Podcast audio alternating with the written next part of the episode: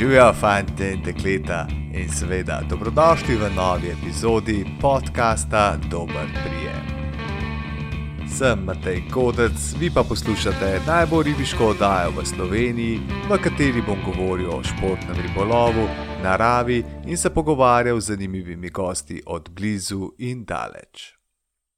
Živijo in še enkrat pozdravljeni v novi epizodi podcasta Dober prijem. Pred nami je poletni čas, ko že vsi počasi razmišljamo o dopustih in poletnih ribolovnih dogodivščinah. Leto, ki je za mano, je bilo res polno preobratov in različnih situacij, ki sem jih, se mi zdi, kar dobro obvladal. Upam, da tudi vi. Predvsem sem vesel, da sem se odločil za snemanje edinega in najbolj ribiškega podcasta v Sloveniji. Res pa je, da je vsaka oddaja od mene zahtevala kar nekaj priprav, usklajevanja z gosti in prilagajanja.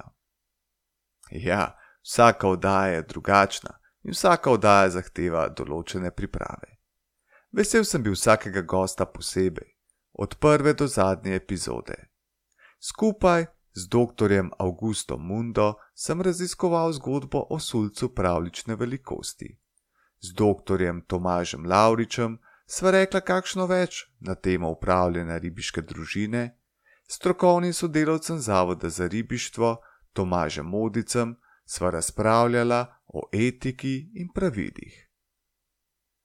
S članom državne muharske reprezentance Juretom Usulinom sva govorila o njegovi največji strasti in seveda o sodelovanju na muharskih tekmovanjih najvišjega ranga. Z biologom Rokom Rozmanom in biologinjo Brino Sotenšek sem posnel do zdaj najbolj poslušano oddajo podcasta, v kateri smo skupaj spregovorili o tem, kako pomembno je obraniti in ohraniti edini ohranjeni naraven odsek reke Save. S Katko Švagrovo sem potoval in muharil okoli sveta.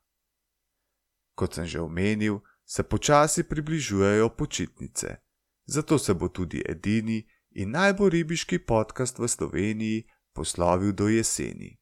Ko se vrne, obljubljam, da bo podcast še bolj zanimiv, z novimi gosti in z novimi zgodbami. Če vam pa bo med počitnicami dolg čas, oziroma ste zamudili katero od epizod, si jo lahko še vedno zavrtite na spletni strani www.dobrprijem.com ali na vseh platformah za poslušanje podkastov.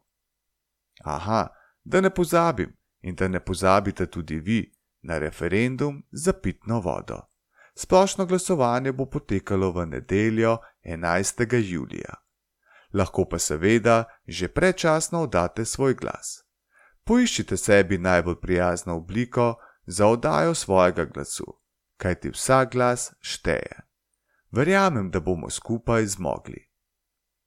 Do naslednjič vas lepo pozdravljam in vam želim le dober prijem in čuvajte naravo.